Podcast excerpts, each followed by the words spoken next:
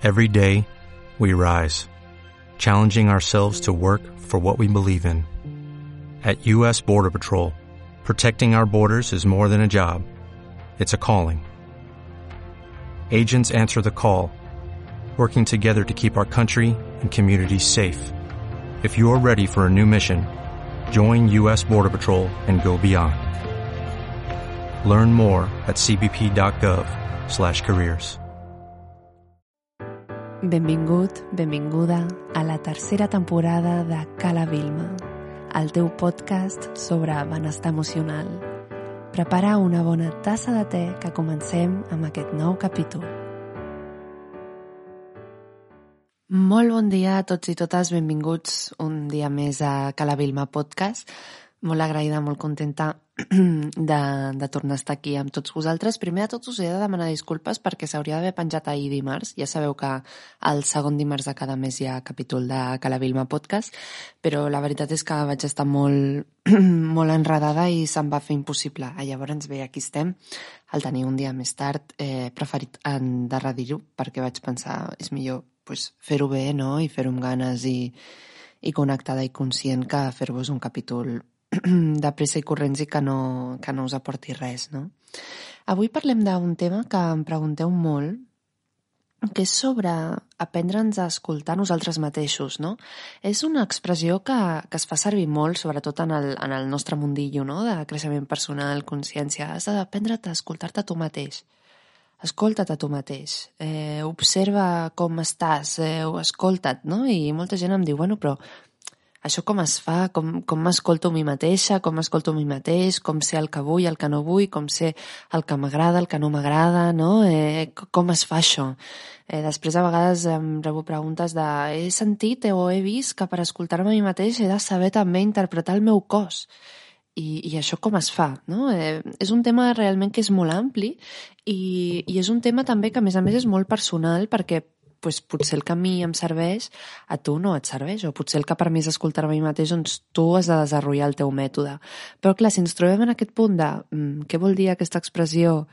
I, i com començo? I com ho faig? I com aprenc a observar com em sento i què vull, no? Eh, si estem com en aquesta casilla inicial, aquesta casella inicial, doncs potser aquest podcast amb la meva experiència i les meves idees doncs et pot servir d'alguna cosa. Si tu ja tens el teu mètode, si tu ja has après, no? eh, al final d'aquest podcast doncs, també t'agrairé molt que m'escriguis un missatge a Instagram doncs, explicant-me, mira, jo ho faig d'aquesta manera o em va passar això i llavors vaig aprendre que jo m'escoltava així, val? una mica, doncs bé, ja sabeu que m'agrada molt obrir el, el debat, que m'escriviu i després parlar una llarga estona amb vosaltres. Em trobeu a, a Instagram, ja ho sabeu, Bilba Montoliu 13 i des d'allà doncs sempre estic molt contenta de, de llegir-vos i també si compartiu la captura de pantalla escoltant el podcast i m'etiqueteu, doncs també ho comparteixo i, i em fa molt contenta. Bé, eh, comencem primer de tot posant los puntos sobre las sies. Escoltar-se... Bé, ara està passant un, un cotxe, o un, bueno, no sé quina classe de, de vehicle és. Sí, sí, és un cotxe. Després també us he de comentar que tinc el rentaplats posat i no he sigut massa llesta aquí. No he pensat que feia soroll i que potser s'escolava en la gravació del podcast. Jo crec, a mi no em sembla que se senti, però potser vosaltres si sentiu com un sorollet de fons, eh, és això. Fet aquesta, aquest parèntesi, comencem. Escoltar-se a un mateix. Què vol dir escoltar-se a un mateix? Ja no tant com m'escolto, sinó què significa aquesta expressió. Aquesta expressió, per mi, vol dir mantenir-te atent a tot moment, atent o atenta a tot moment, a les teves necessitats i a les teves emocions. Quan parlem d'això, no? lo, lo mío, lo tuyo, a vegades hi ha com aquesta por de, de ser egoistes, no? ens sentim culpables. Primer de tot, desmitifiquem això, ens ho traiem del cap. Escoltar-te a tu mateix, saber què vols i com estàs, no és egoista. Perquè si tu no saps com estàs, si tu no saps què vols, no estaràs bé tu. Llavors, tampoc podràs estar bé amb els altres. Vale? Per tant, no és egoista, dedicar-te temps, escoltar-te, aprendre a saber com estàs, identificar les senyals que et dona el teu cos quan sents incomoditat. Tot això no és ser egoista. Tot això és ser intel·ligent, és ser observador, és ser bon amic teu, bona amiga teva. Val? Llavors, molt important, primer de tot, escoltem aquest podcast, ens obrim i l'escoltem des de, des de l'amor cap a nosaltres. Val? Ja sabeu que m'agraden que els capítols siguin moments de, de cura, de carinyo i així vull que continuïn sent. Per tant, no et sentis culpable per voler-te aprendre a escoltar, per, per voler aprendre a, a desxifrar-te. I faig servir la paraula desxifrar expressament, no? Perquè els humans penso que necessitem posar molt les coses en paraules per entendre el que ens passa, per entendre com estem. No? Necessitem, doncs, eh, quan tenim una relació amb algú, doncs necessitem posar en paraules aquella relació que és, cap on va, com estem... Quan, quan estem preocupats per alguna cosa, doncs necessitem posar en paraules exactament què és el que ens preocupa.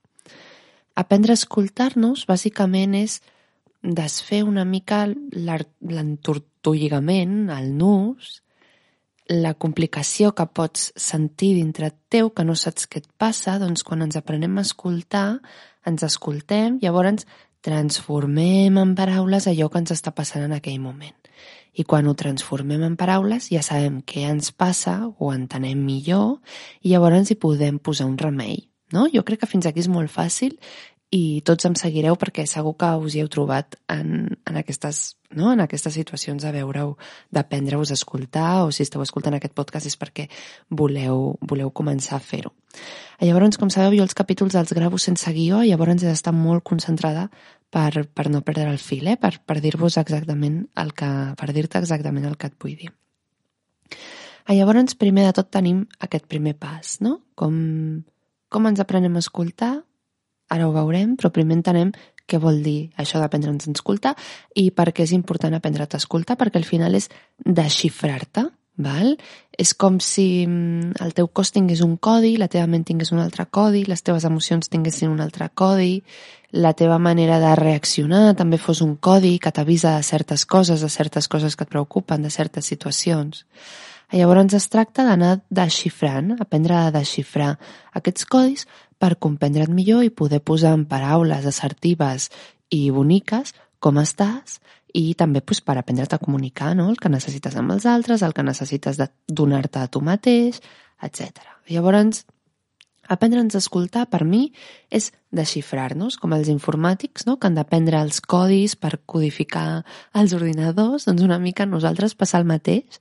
Tenim codis interns i hem d'aprendre a desxifrar-los. Què passa? El meu codi eh, pot ser molt diferent al, al teu. Si estàs en una relació de parella, a mi això... Eh, bueno, ja sabeu que a mi de la meva relació amb el, amb el Tomeu tampoc m'agrada molt parlar en el sentit de que eh, penso pues, que són coses íntimes, no? I penso pues, que, a més a més, ja no són coses que depenen només de mi, sinó que depenen de tots dos, però us posaré un exemple, no? Perquè ens entenguem. Quan tu formes una, una parella amb algú, no? en aquest cas, doncs, jo què sé, ja us parlo del Tomeu perquè és la meva parella actual, no? Potser tot passa doncs, amb una relació d'amistat, amb la teva mare, o potser també amb la teva parella, no? Què passa? Quan tens una relació de parella, una relació amb algú amb qui potser amb els pares és diferent, perquè potser el teu pare et coneix bé i sap exactament quin és el teu codi, no? Però bé, això també depèn de les famílies. Quan tu tens una relació amb algú, no? Suposem, doncs us poso l'exemple de la relació de parella. Doncs jo com a Vilma tinc una sèrie de codis, no? I tinc una sèrie de, de maneres de relacionar-me amb el món i tinc una, una sèrie de coses doncs, que m'agobien, que no m'agobien, que tal, no? Si jo els meus codis no els aprenc a desxifrar bé i no els aprenc a posar en paraules, no seré capaç d'explicar-li amb el Tomeu el que em passa. I ell mateix, no? Si ell té una sèrie de... Ell té pues, els seus codis, també, i si ell aquests codis no els traspassa en paraules i no me'ls explica, jo no puc entendre el que li passa, perquè jo també tots els seus comportaments els estic entenent des dels meus codis, no des dels seus codis, vale? I els dos tenim codis diferents. Llavors és molt important, com que les paraules potser és el codi neutre, no?, que ens uneix a tots, doncs és important saber-ho posar en paraules i paraules el més transparents possibles, el més directes possibles, perquè les dues parts ens entenguem. Llavors, aprendre a t'escoltar tu mateix, com et dic, no és pas una cosa egoista, tot el contrari, perquè t'ajudarà a millorar totes les teves relacions. I ara aquí, com sabeu, a tots els capítols m'agrada començar amb una, amb una anècdota personal i mm, no, és, no serà menys aquest capítol i us explicaré una, una anècdota. A mi aprendre a m'escoltar m'ha costat sempre molt. Jo com sabeu, bé, sóc una persona amb una intel·ligència emocional mm, correcta, notable, posada al seu lloc, però aprendre a escoltar m'ha costat molt perquè sempre he tingut una tendència molt maligna a posar-ho tot sota l'alfombra. És a dir, em penso que si miro cap a una altra banda, si ho amago, val? si ho recullo, si ho poso sota l'alfombra, l'expressió és, molt, és molt clara, aquell problema o aquella situació es dissol, desapareix. Què passa? Això només serveix a que el problema o la situació es vagi fent cada vegada més gran, la meva incomoditat sigui encara vegada pitjor i, i sigui quina sigui la situació, eh, doncs empitjori, ja sigui doncs, amb, amb algú, no? a qui li he de dir alguna i no li dic, o ja sigui en una situació personal, doncs que, jo que sé, posem pel cas un projecte, m'ho invento, això sí que és inventat, un projecte laboral que me n'estic adonant que no està arrencant o que m'està costant o que no m'estic sentint còmode, si ho vaig amagant sota l'alfombra no me n'adonaré que això no està bé. Val? Llavors eh, no, tinc, no m'estaré donant a mi l'oportunitat de reformular-ho, d'observar cap a on ho porto. Què passa? Aprendre'ns a escoltar-nos i fer cas d'això fa por, Fa por perquè requereix canvis, requereix potser períodes de crisis més sovint del que estem acostumats a tenir-les, eh, requereix una transformació molt constant i que lògicament fa por perquè a més a més ens han educat en una, ens han educat d'una manera lineal, no? Et fas gran, estudies, tens una feina, t'enamores, et cases, tens fills i ja pues, fins la jubilació i ens han educat d'aquesta manera, que la vida ha de ser molt lineal i que les coses a més a més han de durar per sempre, no? La feina per sempre, la parella per sempre.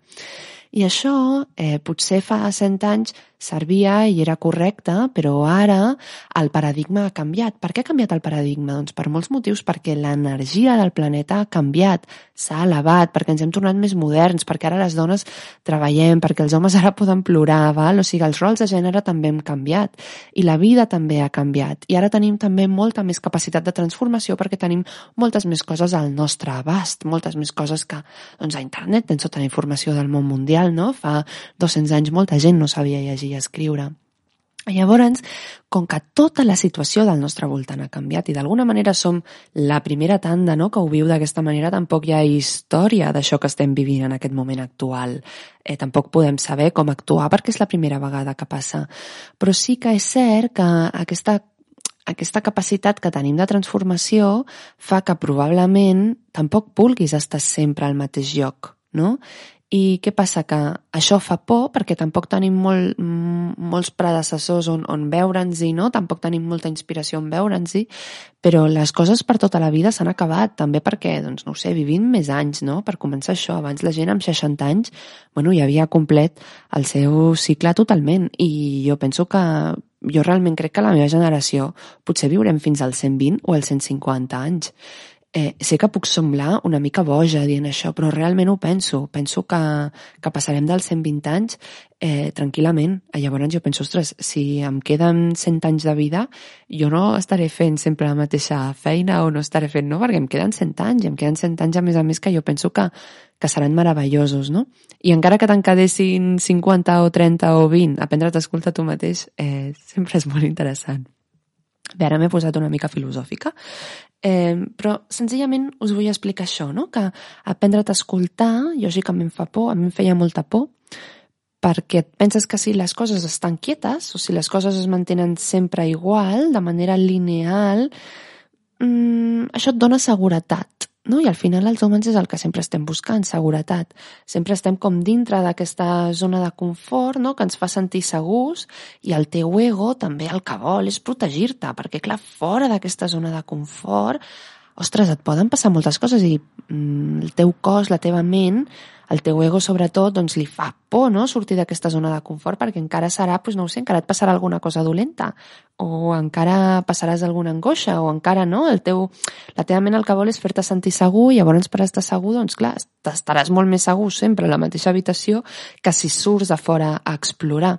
Però què passa? Que en aquesta zona d'exploració és on passa la vida i és on passen els aprenentatges i és el que necessita la teva ànima per evolucionar també, no? Entenem, jo entenc que, que la meva ànima doncs, es, es reencarna i jo ho entenc d'aquesta manera i entenc que ara doncs, tinc aquest cos i tinc aquesta vivència perquè és el que necessita la meva ànima per evolucionar tot el camí em passarà al llarg de la meva vida, no? I, i pues, fa molts anys la meva ànima estava en un altre cos i va aprendre tot el que necessitava aprendre d'aquella situació i d'aquella vida, no? I això també, d'alguna manera, totes les experiències, totes les reencarnacions que la meva ànima porta, doncs també em porten a mi a ser qui sóc avui en dia, a tenir una, una, una saviesa concreta, a saber fer una sèrie de coses, a tenir una sèrie de dons, val? jo ho entenc d'aquesta manera. Això ja cadascú amb les seves creences doncs és benvingut. Eh, però crec que si entens la vida d'aquesta manera encara t'és més important aprendre a t'escoltar perquè encara t'és més important aprendre a sortir d'aquesta zona de confort on passa l'evolució i on aprens perquè aquests aprenentatges no només et serviran per ara sinó per sempre perquè els acumula la teva ànima. Si tu no entens que tenim ànima i que només som un cos, doncs està fantàstic, però aquesta experiència doncs, també et serà de molt bona doncs, per la teva vida, per explicar als teus fills, als teus nets, etc. No? Mm, lamentablement és on passa l'acció, és on estem, és on estem incòmodes i jo sempre penso que si passo ja una temporada massa llarga còmoda, hem de fer canvis hem de fer coses, hem de sortir d'aquí, hem de veure què més aprenem, què més fem, no? que això no vol dir que tu, escolta, que la zona de confort està molt bé i és important tenir-la, eh? i no parlo de, no parlo de, no ho sé, no, no, no parlo de ara tinc casa meva, estic massa còmode, me'n vaig a viure al carrer, no, no, no m'estic referint a això, eh? M'estic referint, doncs, a, a viure experiències que t'enriqueixin, que et facin evolucionar, etc. I per aprendre tot això, el més important és aprendre a entendre't, val? Aprendre a saber, doncs, quins missatges tens per saber el que t'està passant, Faig un petit incís per recordar-te que tens tots els meus serveis, retirs, tallers, meditacions personalitzades i moltes cosetes més disponibles a la meva pàgina web www.vilmamontoliu.com i si vols tenir consells pràctics pel teu dia a dia em trobes també a Instagram com arroba vilmamontoliu13. Gràcies. Ah, llavors ja partim de la base de que és normal de que això et faci, et faci por, aprendre a escoltar, fer canvis, no? saber exactament què és el que vols. Et fa por per això, perquè al final és una reacció biològica normal i això no has d'estar enfadat amb tu mateix o amb tu mateixa per tenir por, perquè tots la tenim. Val? Quan et planteges un canvi, quan et comences a escoltar, quan te n'adones de totes les coses que vols o no vols, el que vols canviar, el que no vols canviar, doncs tens por i és normal. A partir d'aquí mantenim, sempre faig servir aquesta expressió, la curiositat de l'explorador. Val? La vida és una aventura i és el que ha de ser. I les aventures, eh que quan mirem les pel·lis d'aventures hi ha moments de subidor, moments de bajón, doncs és el mateix. I tot forma part del procés. I tot és meravellós i penso que el que hem és de naturalitzar tots els processos. Val? Els processos de ruptura, els processos d'enamorament, els processos de canvi, els processos de traïció, val? Tot forma part de la vida. I per això també és important aprendre's a escoltar i tenir un, rif, un refugi intern molt ben teixit, molt ben fabricat, perquè això que tens interiorment ho tindràs sempre, sempre la teva mà dreta i la teva mà esquerra es podran tocar, val? I les podràs agafar. I aquesta unió que crees quan fas això és poderosa i indestructible. Val? Per tant, és important aprendre's a escoltar perquè farà que aquesta unió s'enforteixi, que tu amb tu estiguis més fort, perquè aprendràs a respectar-te i a estimar-te més. Per tant, crec que com a primera base aprendre't a escoltar és important per això. Ara anem a entrar més en matèria. Hem vist una mica què vol dir, per què és important. Espero haver-vos convençut per seguir escoltant el capítol. Us he explicat aquesta tendència meva de guardar-ho tot sota la alfombra i també de que quan això passa hi ha un moment que petes, hi ha un moment que tot es trenca i llavors tens el doble de feina perquè després pues, l'alfombra la, va voltant, va voltant i allà hi ha molta ronya. Llavors no anem a acumular la ronya. Val? Quan, quan tenim moments que aturem, no? abans d'anar a dormir, per exemple, o si sou meditadors, passa que te n'adones de tot el soroll mental que tens? Tots els pensaments, tot el que et preocupa. A vegades, el silenci, no? si estem en un espai de silenci, ens molesta aquest silenci per tot el soroll que tenim internament.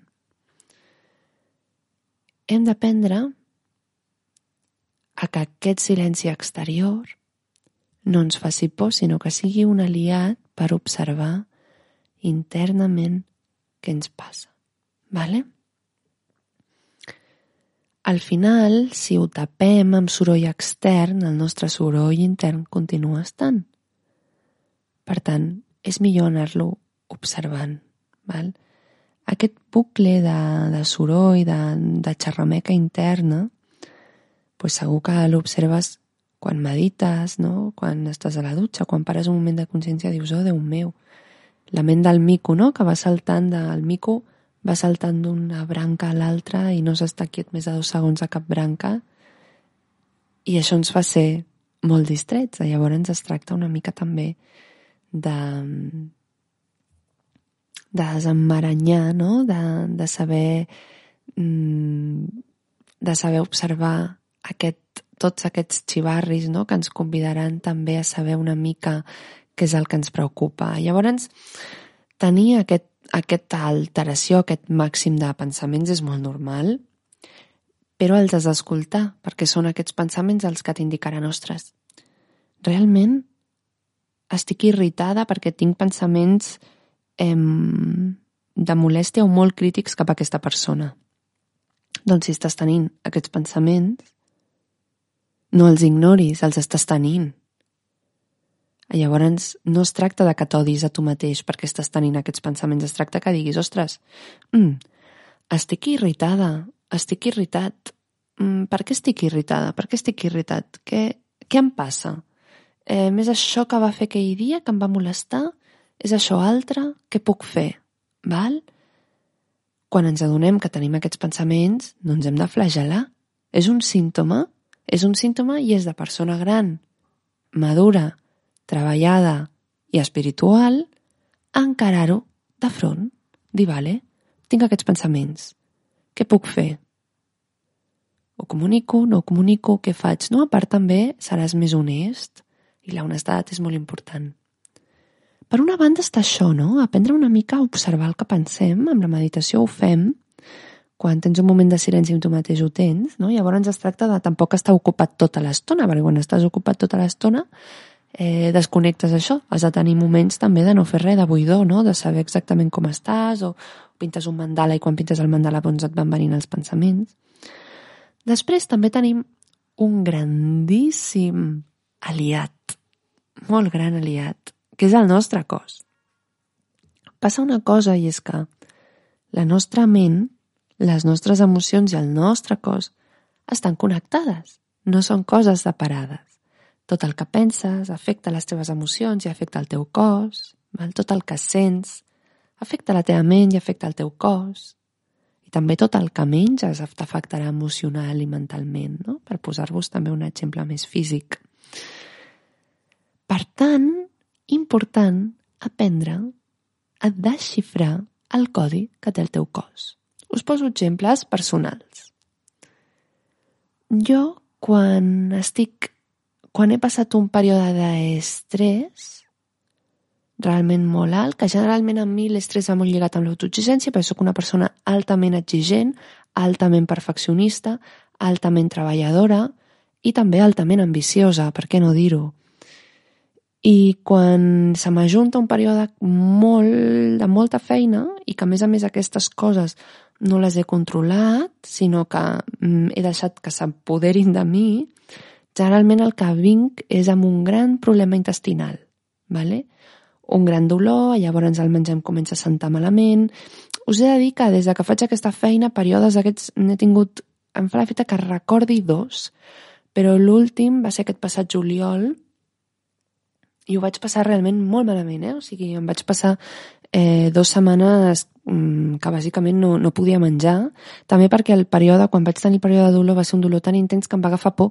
Tenia por a menjar, a veure què em sentava bé, a veure què em sentava malament, i de fet quan vaig anar al Festival de la Consciència, a l'atac de dolor m'havia agafat aquella mateixa nit i vaig anar a fer el taller al Festival de la Consciència que no havia menjat res aquell dia, només em vaig alimentar a base d'un suero que em va donar el metge i, i va ser adonar-me'n d'això, no? que la meva, la meva autoexigència, un període molt prolongat de molta feina, eh, m'havia repercutit, no? Perquè tu pots tenir feina i anar-la fent, però si la fas i a més a més la fas amb el nivell d'autoexigència i perfeccionisme que jo l'estava fent, això em provocava molta, molta rigidesa i clar, això va veure perjudicat els meus intestins. Llavors, clar, quan el teu cos ja t'envia una senyal d'auxili d'aquesta manera, tu ja has d'aprendre a saber doncs, que el teu cos t'està avisant d'alguna cosa.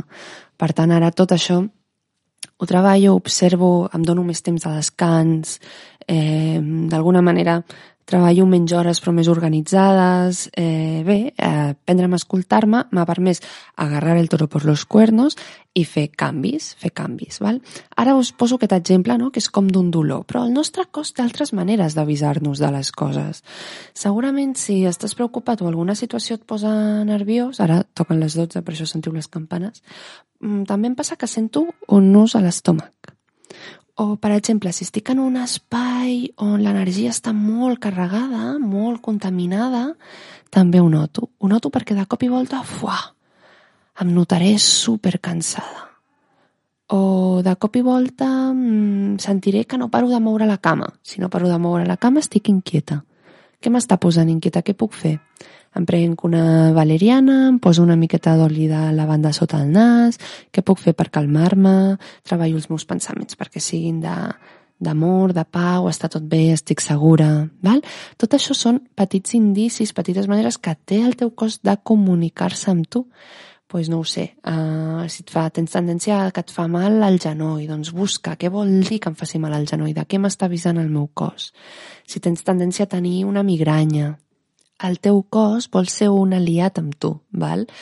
Eh, el teu cos no vol eh, fer-te no treballar i fastidiar-te amb un mal de panxa. Jo t'està avisant d'alguna cosa. També quan estic en un entorn en el que no em sento segura, normalment la panxa també em falla. Si estic en un entorn que no m'agrada o no estic bé, generalment doncs, la panxa també em falla.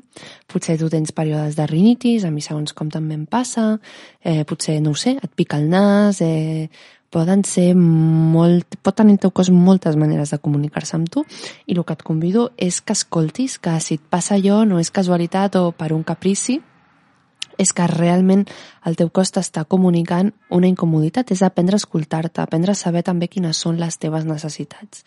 És important també doncs, que tu sàpigues, ostres, avui m'he llevat amb molta energia, doncs pues faré això i això, avui m'he llevat amb poca energia, doncs potser canvia quatre coses de la teva rutina de dia, no? Pues, pues acaba abans de treballar o pues pren això, pren l'altre.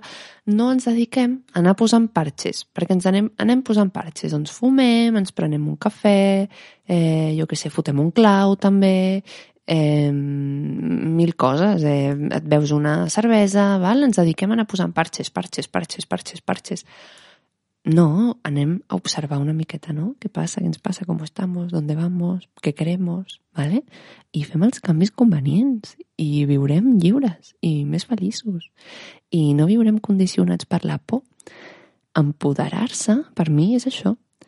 I, ostres, és molt difícil, eh, el que us estic explicant en aquest podcast. Jo no estic dient en cap moment que sigui fàcil i jo no estic dient en cap moment que jo ho tingui superat que jo sóc tan humana o més que vosaltres, eh? que jo estic en el procés també d'aprendre-ho tot, d'observar, però no vull, em nego a que aquesta vida m'hagi passat en un moment i amb el pilot automàtic posat. No, vull assaborir cada moment, també els moments dolents els vull assaborir i vull permetre doncs, que em permetin evolucionar perquè això doncs, Si tu que m'estàs escoltant això ets metge, doncs això et farà millor metge. Si tu, jo que sé, ets administratiu, això et farà millor administratiu. Jo que sé, en el meu cas, si ets escriptor, doncs et farà més bon autor.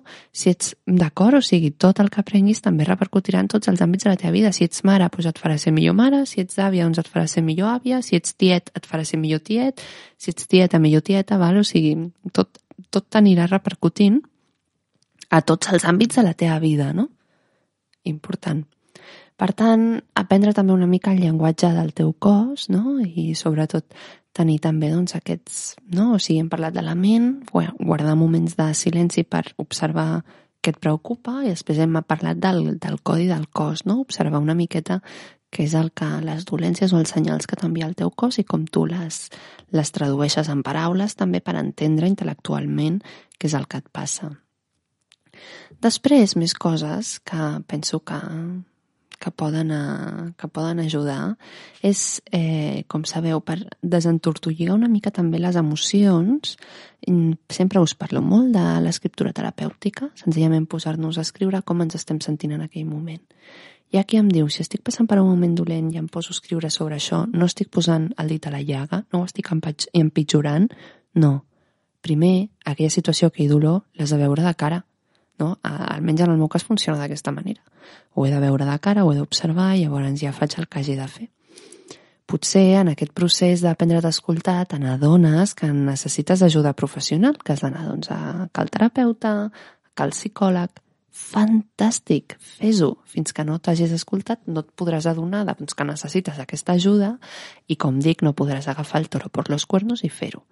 Llavors, penso que és important, no?, perquè tot forma part del procés de sanació i al final un procés de sanació dura tota la vida perquè sempre tens coses a, sempre tens coses a sanar. No és que tu passes per un període de crisi de, doncs mira, ja s'ha acabat, ara tot és meravelloso i ja està, no? O sigui, estàs constantment evolucionant, constantment evolucionant i la vida no tira sempre cap amunt. A vegades tira cap avall, a vegades sembla que s'atura, a vegades els dies sembla que passen lents i després de cop i volta, uau, uau, uau, tot et passa superràpid, no?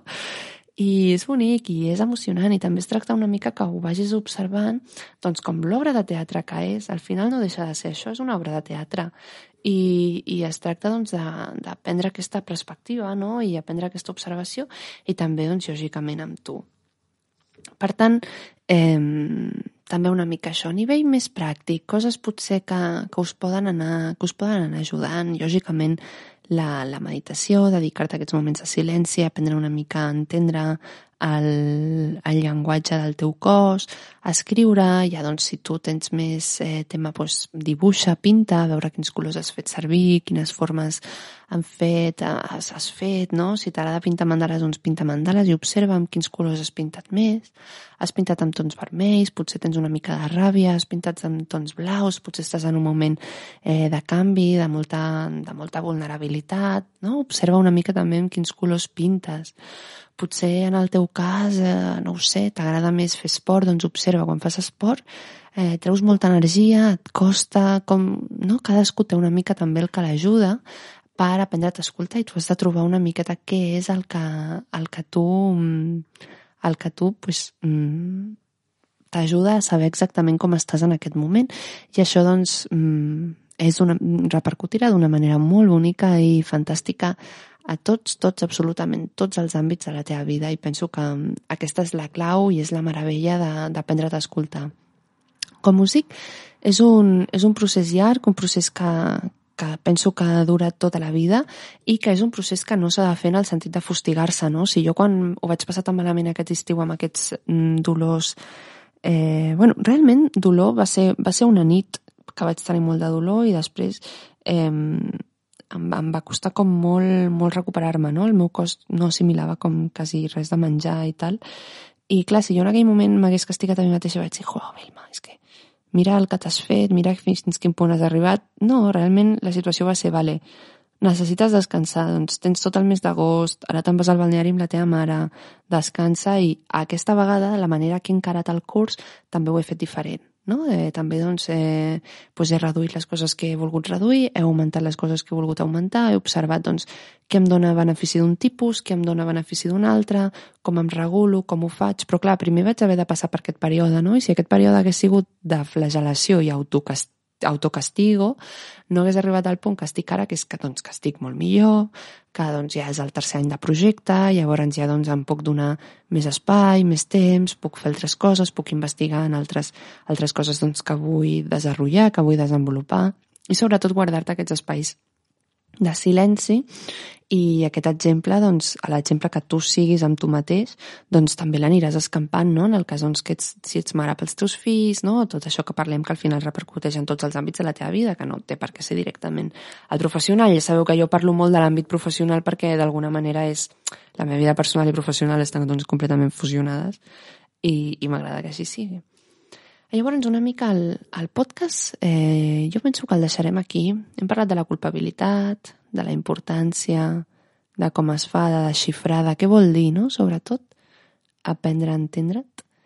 I, I res més, jo espero que us hagi... No sé, eh, no sé si ha quedat un capítol prou interessant, espero que sí. Sento que he parlat molt i, i m'acomiado aquí. Mm, us vull donar molt les gràcies per escoltar-lo, si heu arribat fins aquí. Moltes, moltes gràcies. Espero que, que us hagi agradat el, el capítol, que, no sé, que us resulti inspirador i us convidi a, a seguir-vos escoltant. Eh, jo, per la meva part, us envio una fortíssima abraçada, recordar-vos doncs, això, que, que tinc ganes de que m'expliqueu la vostra experiència respecte a aquest tema i, i com esteu i tot plegat. I que us enviaré res, que us envio un fort petó, que moltes, moltes, moltes gràcies, que seguim en contacte i que ja sabeu, estic a un missatge. Moltes gràcies, un petó.